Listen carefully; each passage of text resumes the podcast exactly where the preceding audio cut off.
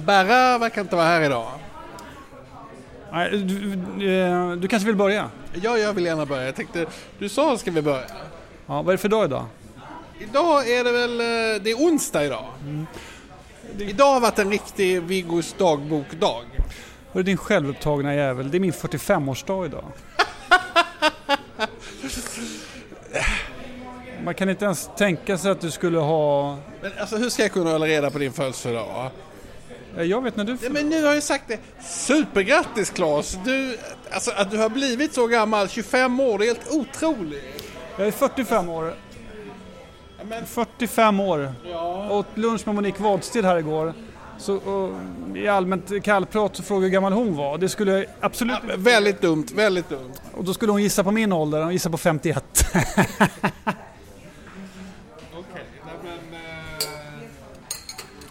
Eh, Monica, jag minns hennes 40-årskalas. Det var bara häromdagen. Det var jättekul. Vi var ute i de här... Eh, man fick röka. Det var en av de få... Det var liksom ett unikt tillfälle på det sättet att man fick lov att röka. Det var där Kopparhusen där... Eh, Hennes 50-årsfest. ja men alltså nu... Nu, nu måste vi ju... Jag försökte ju nu klädsamt berätta att eh, hålla nere någons ålder och du genast bara Jag är lagd åt ärligheten. Du, lyssna på det här nu. Jag åt till... Äh, äh, till. Nej men grattis på födelsedagen! Har du fått några fina presenter av din fru och dina barn? Ja tack, absolut.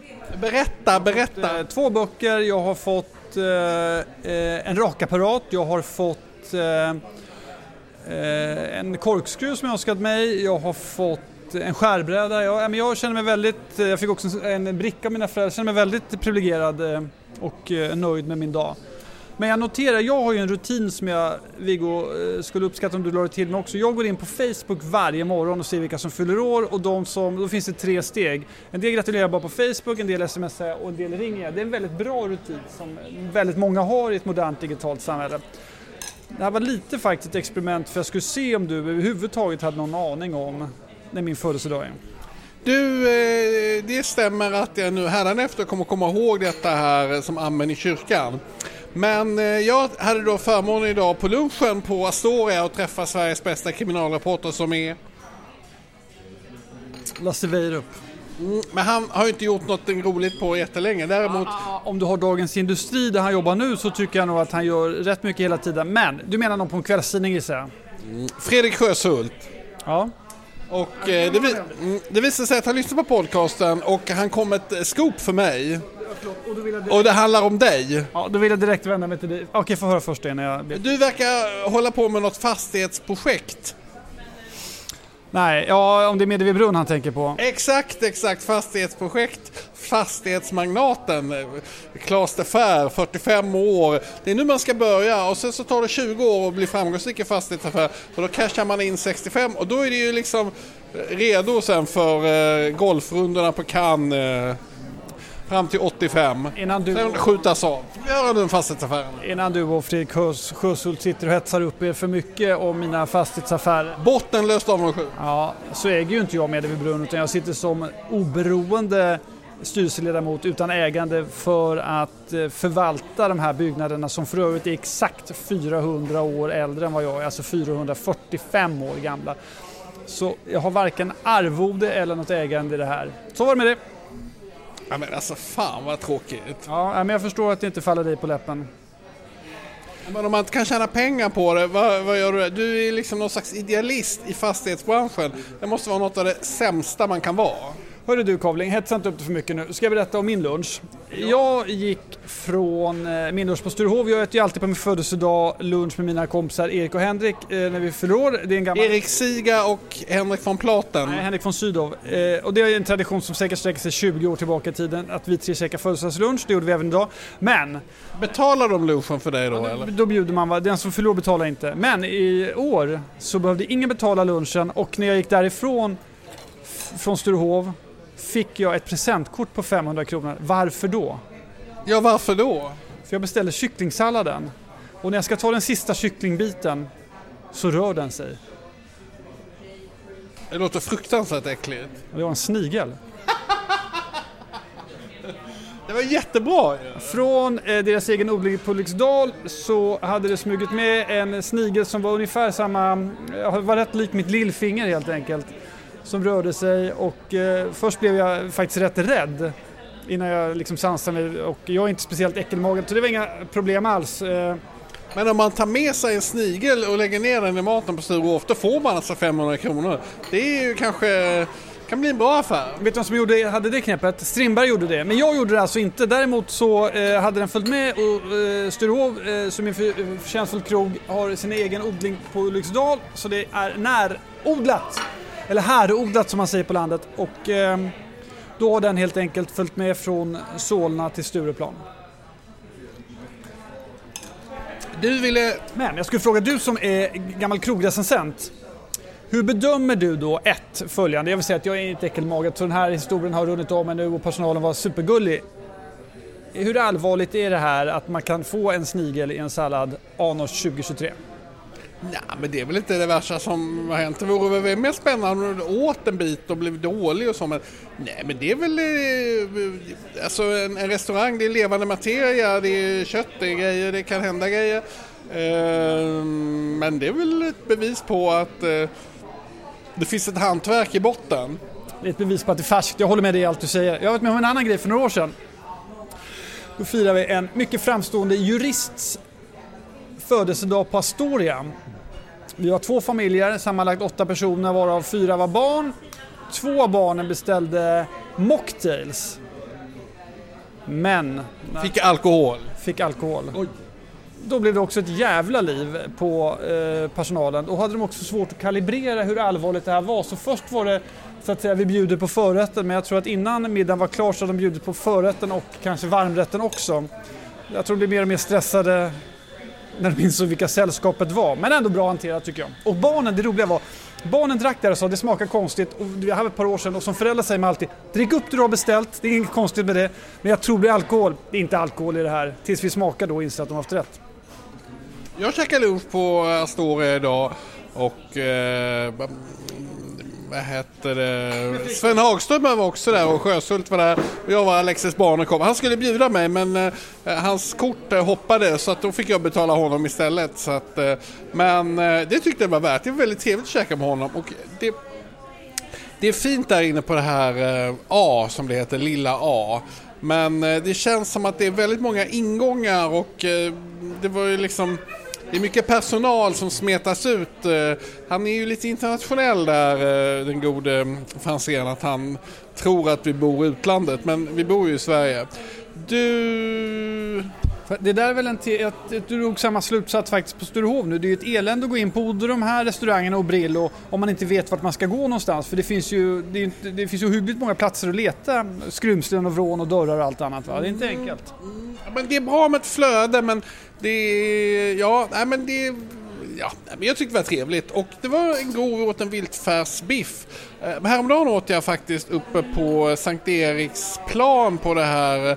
Vad fan, nu står det still i huvudet. Ja, vad dåligt. Ja, Portal, precis. Och det var fantastiskt gott. Jag var, eh, då åt jag med Johan Sandström, eh, Sandholm, eh, på Svensk Bokhandel, nya publishern där. Och han berättade att hans chefer lyssnar på podden. Det är flera lyssnare faktiskt som har hört av sig nu på sista tiden och eh, ja, det har varit både ris och faktiskt mest ros. Du, du ville prata om Filminstitutet, vem som skulle ta över.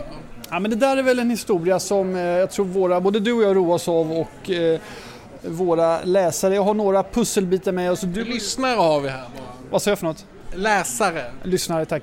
Och både du och jag har tagit fram eh, en lista som är riktad direkt till Gunilla von Platen, styrelsens ordförande. Eh, Alltså hon, jag tycker hon är lite obehaglig, får man säga det?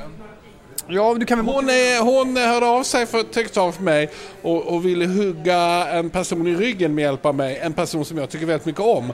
Då blev jag lite gramse, grumse. Jag tyckte det var... Man kan säga om du bad mig att hugga någon person i ryggen, då skulle jag ändå lyssna. Men eh, en sån som Gunilla von Platen som jag knappt känner som vill att jag ska hugga någon, tycker jag... Det är väl lite dålig karaktär. Hon är ju en... en eh, Ni, ni är kompisar eller? nej, men vi har haft barn på samma dagis så vi har nickat till varandra och säger hej, men vi, skulle, vi har aldrig träffats på tu man hand och vi, våra barn var i olika åldersgrupper och sådär. Jag tror att hon är en person som eh, är relativt omstridd och jag tror att i kultursektorn så är det nog inte en... Det är inte ett, ett givet eh, namn när man ska... inte etta på Johan Kronemans lista. Nej, det är hon nog inte. Men samtidigt så är det ju en, en duktig entreprenör och som har gjort en... Hon har verkligen kommit hit, om jag förstått det rätt, med två helt tomma händer och eh, skapat sig en förmögenhet och dessutom köpt eh, gamla Ericsson-chefen Lars Ramstedtqvists slott i eh, Sörmland. Så man kan ju beundra henne för mycket. Som ordförande i Filminstitutet så håller hon nu på att upphandla rekryteringsfirmor och det är tre stycken som eh, är aktuella. Och snart ska vi då få se vem det blir. Jag har en lista. Novare. Jag vet inte vilka de är. Men det kan man säkert tänka sig. De ju, har ju hittills visat sig vara bäst på kultur, eh, alltså kulturchefer på teater och så vidare. De gjorde Ekman gånger två va? Dramaten och Konstakademin, eller? Var Du har väl jobbat där på Novare? Men det, det var inte under tiden då. Men det var väl snarare tvärtom va? Konstakademin och sen Dramaten. Jo, absolut, absolut. Jo men det är ju inte helt oviktigt för man får ju egentligen inte, man ska ju inte rekrytera någon två gånger. Då har man Så ju, det ska man inte, nej. den personen ska då Konstigt, det blir ingen kontinuitet i affären. Ja, men den eh, personen ska då vara fredad under en tidsperiod i varje fall. Samma sak om du har varit inne i en... Om jag har jobbat åt dig till exempel och rekryterat eh, en eh, redaktionschef till dig. Då anses ditt företag vara det man kallar off-limit under eh, om det är sex månader eller 12 månader vad som står i kontraktet. För att jag har ju varit inne och fått en insyn hos dig. Jag ska inte kunna knycka din bästa medarbetare då utan då är det fredat så att säga. Men det löper ju ut. Det gäller ju absolut inte för evigt. Okej Kavling, vi har ett par namn. Du har dessutom varit pigg nog att sätta upp ditt eget namn som, eh, som det tredje. Hur tänkte du då? Vi börjar med... Nej, men jag tyckte det var bara roligt att sätta upp mitt eget namn. Eh, Jag tror att jag skulle vara extremt olämplig som Filminstitutets eh, eh, chef. Jag snackade med Anna Serner, lite den gamla chefen, hon som drev det här feministiska rättviseprotokollet. Och eh, nej men alltså de här eh, människor med stor, eh, stort hål i själen så har vi filmregissörer som inte får göra film. De- Den, den gruppen män, den är eh, den värsta och den värsta och den värsta. Så att de här människorna ska man ju då eh, plåga och sen hålla på gott humör ibland för att ibland, eh, en av hundra eh, har ju ibland chansen att få en Oscarsnominering. Och den personen är ju liksom, det är ju den trofén som man, man, man liksom längtar efter. Men att hitta den, det är, det är ett mysterium. Men visst är det så att den här tjänsten är också, som VD så är det ju eh, den som ska säkerställa driften av verksamheten mot styrelsen, skattebetalarna etc. Men det är filmkonsulenterna som har suverän makt över hur bidragen fördelas. Jo, absolut, så är det ju på pappret, men i Det roliga praktiken... jobbet är att vara konsulent antar Jo, jag. men absolut, men det roliga jobbet är ju, alltså på något sätt är ju det här ett, Eh, det är ju ett jobb, alltså det är ett jobb som, Harry Schein, det är ju en scam från början. För att Harry Schein fick ju veta att man skulle sänka momsen på, på biografer och, och innan den nyheten kom ut så lyckades han få biografföreningarna och filmföreningarna att avsätta en del pengar till Filminstitutet om de fick sänkt moms. Men det var redan beslutet det fattat. Och sen så trädde ju han in som en, eh, ja han var ju på något sätt, eh, skickade då pengar sen till sin bästa kompis Ingmar Bergman och John Donner var med på ett hörn. Så det här var ju liksom... Ja, det, det här var en scam i den gamla andans barn och nu i den nya tiden så vill ju inte HBO och Netflix och de här hjälpa till och filmlandskapet ser helt annorlunda ut och sen för det tredje så är det ju ingen som bryr sig om film. Det var ju, när brydde man sig om en svensk film senast på allvar? Det är de svenska tv-serierna som på något sätt, så att där har ju film gått från att vara någonting, ett brett massmedium till att bli ett smalt konstmedium. Min kompis Jens Sasso gjorde ju en film och i början sa han att det var en film men sen efter ett tag så ändrade han sig och sa att det var ett konstverk. Och ja, då lyckades, då fick han bättre kritik och sådana grejer. Det, det, är liksom, det är en sån nisse man ska hitta som både kan gosa med politiker, gosa med de här, en riktigt jobbig person. Okej, ditt namn. Ja, men då kan jag säga att jag hade tre namn på min lista. Jag hade Johan Kleberg, före detta VD på Kanal Plus. Nej, Simor. Simor. Jag hade... Ska jag säga alla tre? Ja, men vi kan prata lite om Kleberg. Kleberg. Kleberg är ju mest känd för att han har tre barn med Ebba von Sydow. Eh, Det vet ju 95% av våra lyssnare, men några vet inte det. Så att därför... Va, vad heter en av pojkarna? Klas heter han Klas. Jag är döpt efter dig. Ebba är ju väldigt förtjust i dig. Ebbor gillar dig. Sen hade du en Ebba på din lista. Jag tror i ärlighetens namn att han är döpt efter sin farfar som heter Klas. Jag hade en Ebba på min lista, en Ebba som jag är väldigt förtjust i och definitivt du är väldigt förtjust i som jag har lärt känna väl via dig. Och det är Ebba Adelsson på SVT. Eh, jag vet inte exakt vilken titel Ebba har nu. Hon är ju Eurovision-general. Chef över världens största TV-produktion. För tillfället, men annars är hon eh, någon annan hög innehållschef.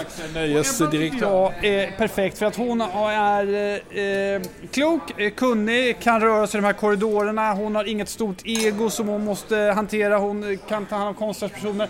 Ebba Adielsson, Gunilla von Platen, jag vänder mig direkt till dig. Det är ett namn du ska titta på. Du, eh, du hade någon till. Eva Bäckman. Samma bolag, SVT, kulturchef. Eh, enormt eh, väl skickad för det här jobbet tror jag, av samma Det anledning. är din absoluta favorit. Du älskar Eva Bäckman. Ja, men jag eh, tycker inte illa om henne, det kan jag inte säga. Mitt förslag var den här eh, ja, Erik Bäckman, poet och hennes syrra Åsa där som skriver extremt tråkiga krönikor i DN. Eh, vad heter det? Mitt förslag är den här, Josefin Tengblad.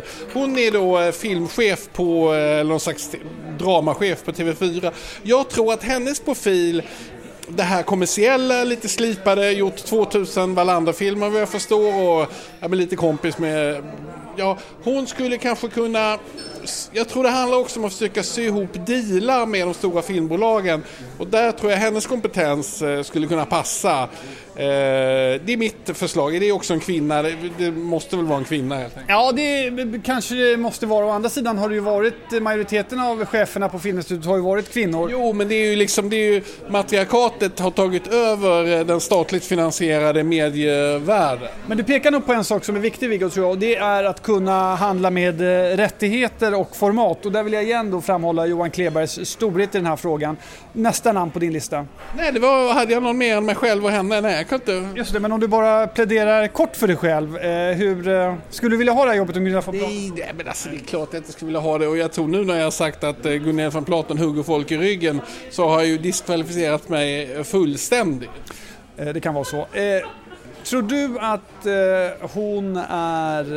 Eh, vi var inne på det. Varför blir det problematiskt att hitta en chef om man är Gunilla von Platen? Ja, men jag tror det som de har gjort nu, sparkat någon, eh, det gör ju att en del av de här eh, public service-människorna som du har tagit upp, de, de, de vill inte sätta sig på en katapultstol. Däremot så tror jag att Josefin där på TV4, alla på TV4 ska ju få sparken nu här, så att där är det bra. Det kanske finns någon där på Viasat som också och lite tv, eh, film, dramakompetens som skulle kunna passa.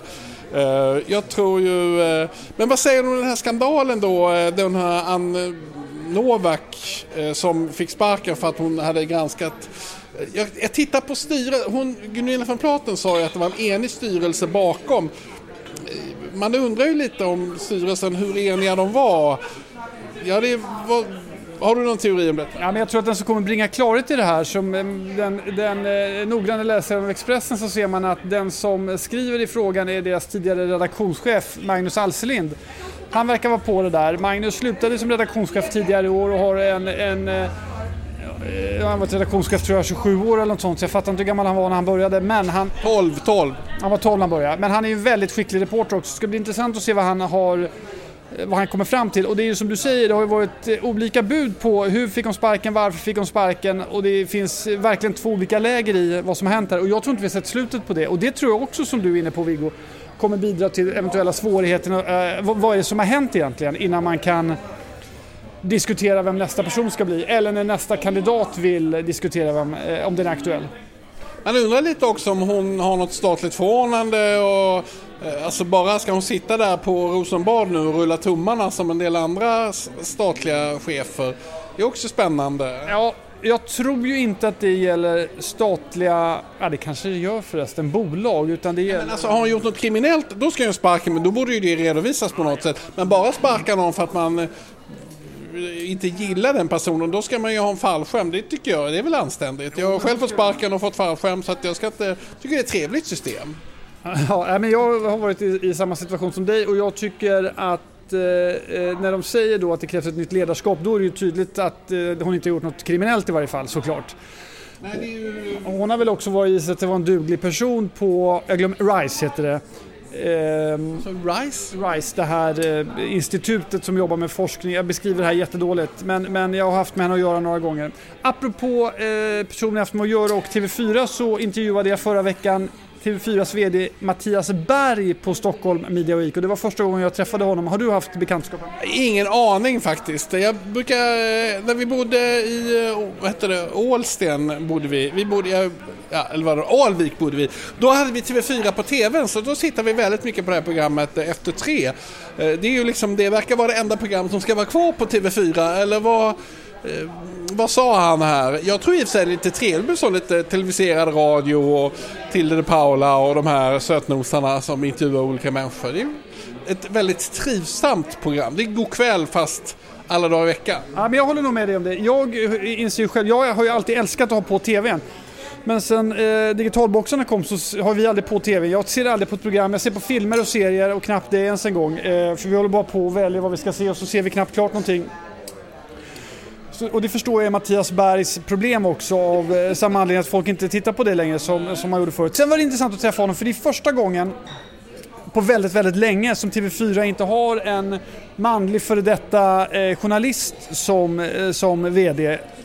Och där är han, han är ju en klassisk ekonom och tjänsteman så han tar ju sig an det här på, på ett helt annat sätt än vad Torbjörn, Janne och Kasten har eller skulle gjort.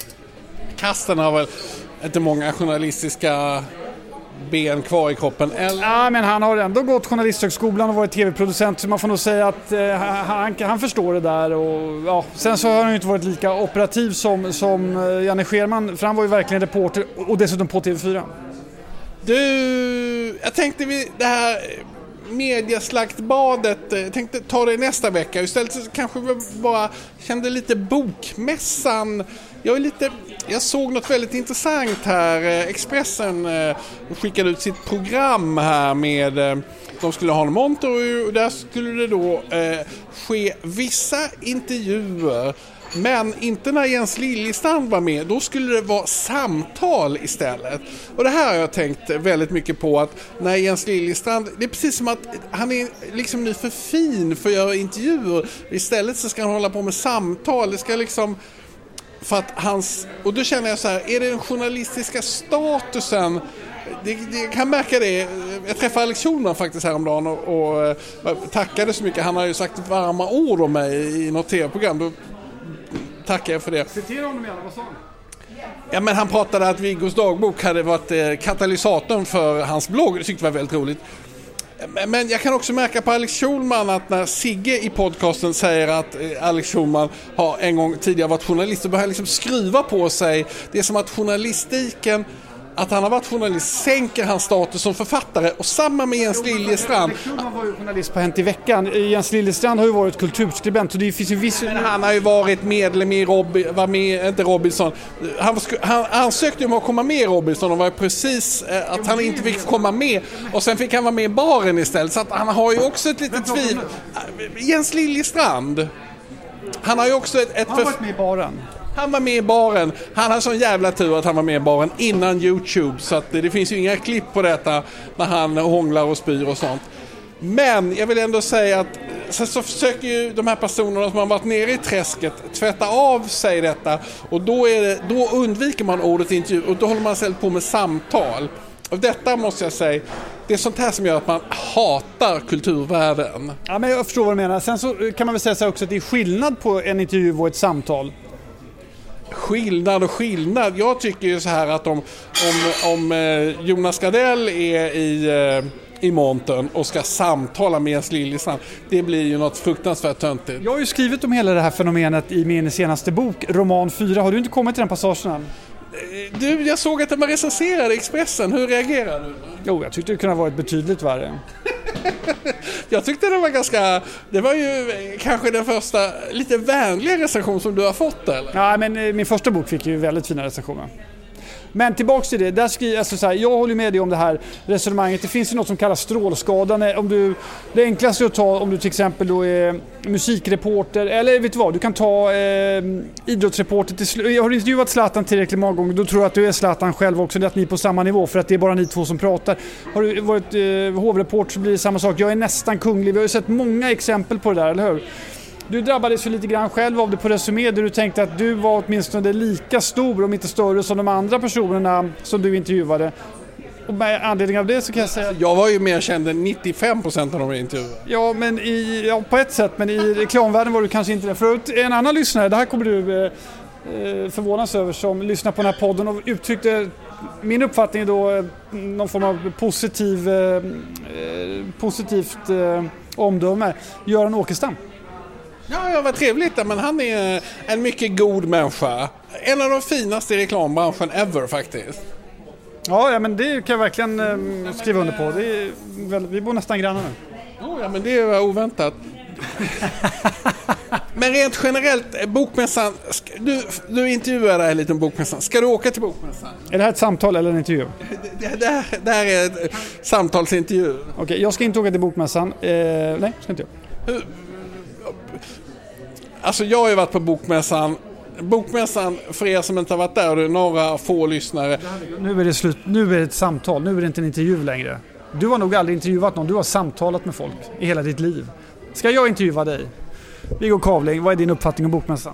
Min Bokmässan det är att det är den största scammen av dem alla när det kommer till att man tror att man som liten kulturutövare ska eh, träffa nya människor och få en publik på Bokmässan. Varför säger du så? Därför att det är bara elefanterna, de suger upp allt syre och sen så flämtar tusentals olyckliga missbelåtna författare i deras bakvatten. Om det är en scam, vem är det som tjänar pengarna?